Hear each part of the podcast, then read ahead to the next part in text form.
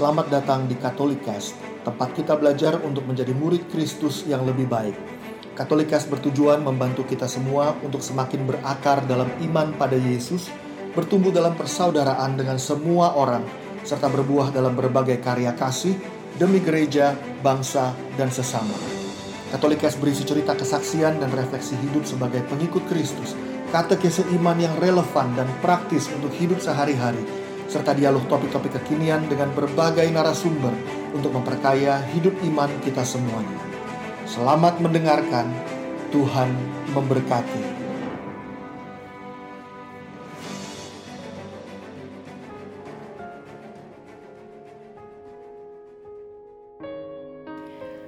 Halo semuanya. Ada satu lagu yang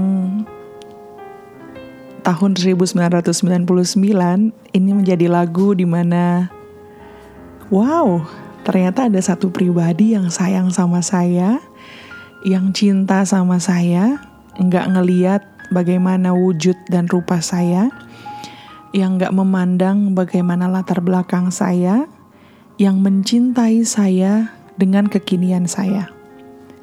Tahun 1999 adalah awal di mana saya falling in love dengan seseorang yang hmm, ternyata memukau sekali akan apa yang dia lakukan terhadap hidup saya. Yes, satu pribadi itu adalah Yesus. Gimana saya nggak jatuh cinta coba? Saya tuh ngerasa ya, ngapain sih Tuhan ngelahirin saya di dunia ini? Ngelahirin kok ya produknya macam produk gagal gitu loh. Udah bodoh, udah gendut, udah fisik juga ada kurangnya. Yang ngapain sih yang program-program tuh mesti dilahirin gitu loh. Ciptain lah yang bagus-bagus supaya dunia ini bagus. Tapi ternyata saya baru sadar yang Tuhan berikan buat hidup saya itu memang harus saya ceritakan sekarang. Buat semua yang dengerin podcast saya ini, mungkin ada yang ngalamin sama seperti saya, ada yang mungkin lebih lagi ceritanya, ada yang mungkin saya nggak sampai segitunya deh. Oke, okay. kondisi saya adalah saya tuh dari kecil, saya bersyukur ya mama papa saya tuh bisnisnya restoran, rumah makan. Jadi kalau mau dibilang makan 4 sehat 5 sempurna, saya mungkin tambah satu kali ya, 6. sehat banget lah saya secara jasmani gitu, diberkati oleh bagaimana kedua orang tua saya membesarkan saya dan kakak juga adik di rumah. Dan saya akhirnya masa remaja, masa muda saya, itu saya terus di dalam kondisi yang badan nggak gemuk sih, cuman tebel. Tapi itu yang membuat saya ternyata cukup minder sama kondisi badan saya itu, yang kemudian saya tuh jadi kayak males gitu loh mau ngerawat diri. Karena udahlah udah jelek gitu ya. Jadi saya tuh jerawatan saya tuh item rambut saya tuh tebel banget ya. Tapi karena saya nggak ngerawat diri saya tuh jarang sisiran rambutnya tuh item enggak uh, apa tuh warna emas juga enggak karena kepapar matahari nggak pernah ada perawatan gitu pokoknya aduh di masa-masa itu tuh saya bener-bener kalau masa-masa itu berarti kurang lebih di masa SMP lah. Saya ngalamin SMP sampai SMA awal, saya mengalami bahwa saya kehilangan jati diri saya bahwa saya ini berharga, saya ini cantik. Ditambah lagi, saya tuh kalau berdiri jelek banget kondisinya. Bagian betis saya itu, dengkul saya itu menyatu sehingga membentuk angka X. Jadi kalau untuk proporsional saya berdiri, di, di depan itu sangat gak enak banget untuk dipandang. Menambahlah rasa minder saya bahwa saya ini memang gak sempurna. Berjalan dengan waktu, saya terus bergumul dengan kekurangan diri saya tanpa saya melihat bahwa saya punya kelebihan diri ya. Saya jadi suka menyendiri, saya jadi gak suka menuangkan uh, bahwa saya ini punya kelebihan kepada dunia luar. Saya lebih cenderung udahlah ngapain apa yang apa yang bagus-bagusnya dari saya coba Saya lebih cenderung menutup diri, males ngapa-ngapain, sampai pada akhirnya saya melihat bahwa Tuhan mulai bekerja itu justru di masa-masa saya sangat terpuruk sekali. Saya melihat bahwa Tuhan tuh gak akan biarin anak-anak ciptaan yang diciptakan serupa dengan gambarannya itu terpuruk terlalu lama. Tuhan mulai mengangkat diri saya dengan hal-hal kecil. Waktu saya mulai merasa saya sendiri, saya mulai dikasih Tuhan diperlihatkan bahwa, oh ladies, kamu tuh bisa bernyanyi. Wow, saya bisa nyanyi.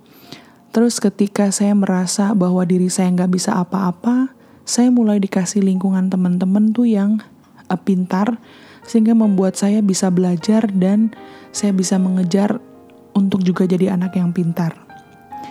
Kemudian ketika saya merasa bahwa nggak ada yang mencintai saya, di rumah saya nggak dapat kasih sayang dari papa dan mama, apalagi kakak dan adik.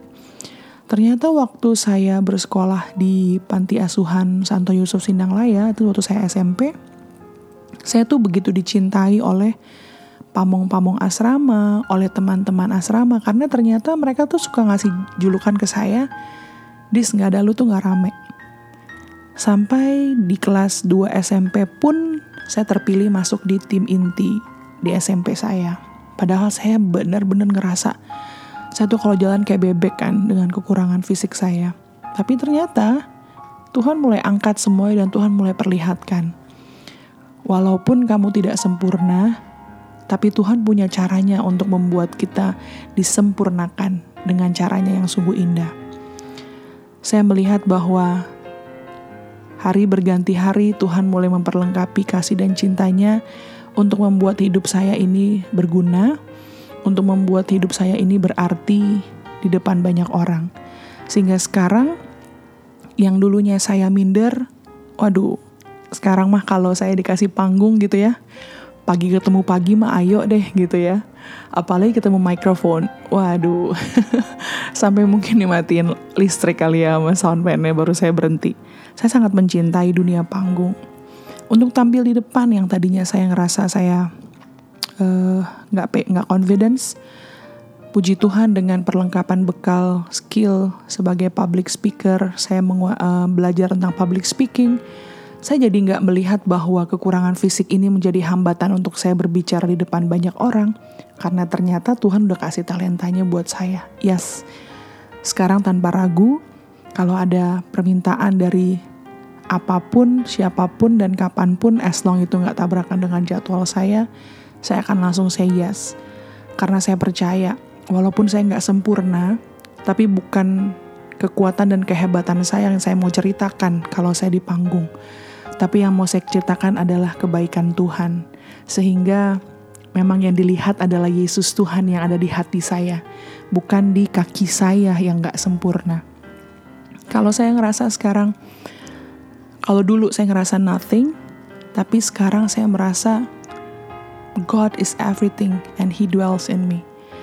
Karena Tuhan udah merajai saya, sehingga saya ngerasa tuh ya, saya kayak punya segalanya tau gak sih? Saya ngerasa punya cinta yang besar, saya ngerasa saya punya talenta yang begitu banyak, saya ngerasa bahwa berkat Tuhan tuh berlimpah dalam hidup saya, sehingga gak ada lagi alasan buat saya untuk tidak mencintai Tuhan Yesus. Hari ini saya bisa katakan bahwa saya bersyukur saya dilahirkan dengan ketidaksempurnaan, tetapi dengan caranya Tuhan yang paling indah. Dia menyempurnakan saya untuk saya menceritakan bagaimana Tuhan hari berganti hari menyatakan bahwa saya ini sungguh-sungguh berharga di matanya. Buat teman-teman yang rasa bahwa hidupnya begitu kesepian, merasa bahwa hidupmu gak bisa ngelakuin apa-apa. Serahkan segala kekhawatiranmu, rasa sepimu, ketidakmampuanmu kepada Yesus Tuhan. Dia Allah yang akan memberikan hari-harimu bukan rancangan kecelakaan, tetapi masa depan yang penuh dengan harapan. Satu pujian ini yang mengubahkan hidup saya, yang mau saya ceritakan juga untuk kalian semua. You feel that you're lonely. It doesn't prove that you are alone. You feel that nobody wants you. Doesn't mean that no one cares about you. Listen to the words I say, for I will always be by your side. You mean everything to me, and I will never leave you, cause I love you so. You think that you're nothing. Before me, you were something beautiful. You think that you can't do anything, but you can do a lot of things with me. Listen to the words I say, that I will always be by your side.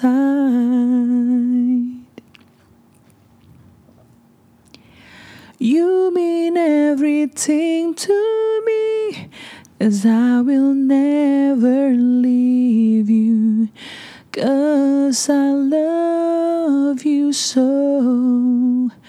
When I say that I love you, it means I give the best for you. When I say that I love you, I will give everything for you. No more fear about the future and blame for the past.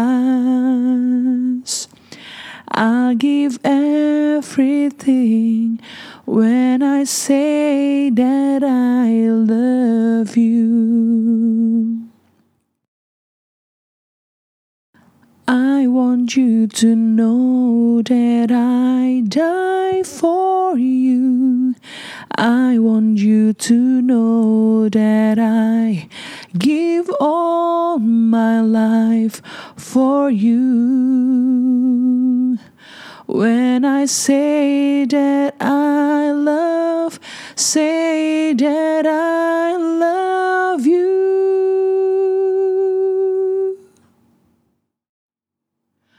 When I say that I love you, it means I give the best for you. When I say that I love you, I will give everything for you. No more fear about the future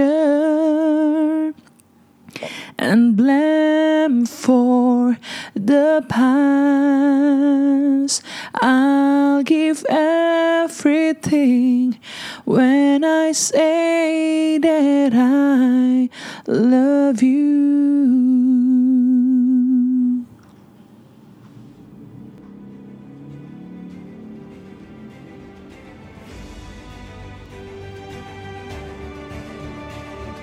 Terima kasih telah mendengarkan podcast ini. Jangan lupa untuk berbagi Katolikes kepada para sahabat dan kenalan kita, supaya semakin banyak orang mengenal kabar gembira Tuhan Yesus dan mengalami kasihnya yang memulihkan, menguatkan, dan memberkati. Sampai jumpa di episode Katolikes yang lain.